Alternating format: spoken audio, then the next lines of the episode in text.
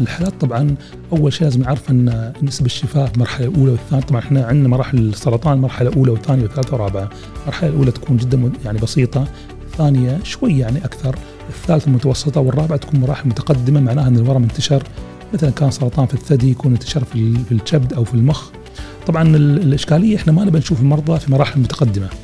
وإحنا أكبر إشكالية تواجهنا آه، عدد المشخصين في مراحل متقدمة بدأ يقل بسبب آه، الفحص المبكر للسرطان وأيضا وعي الناس من ناحية الذهاب للطبيب عند وجود أعراض وأيضا آه، تحسن وعي الأطباء بفحص المرضى أو التفكير في السرطان تحويل. إذا كان بالضبط يعني.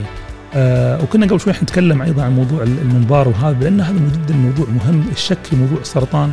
إحنا ما نبي الناس توسوس ولكن نخليه أحد التشخيصات التي لا يجب أن تهمل بتاتا ونفكر فيها. ونستبعدها قبل ما يكون الوقت متأخر. علاج السرطان تطور جدا.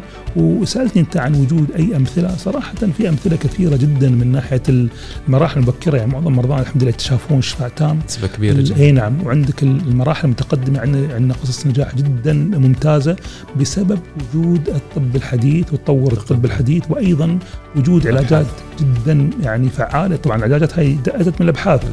وعندنا مرضى يعني بمراحل متقدمة يعني مرحلة رابعة وعايشين الحمد لله سنوات كأنهم طبيعيين وإحنا دائما نذكر المرضى أقول لهم أنتم مرضكم مرض مزمن مثل الضغط والسكر. عاملوه بهذه الطريقة وعيشوا حياة طبيعية.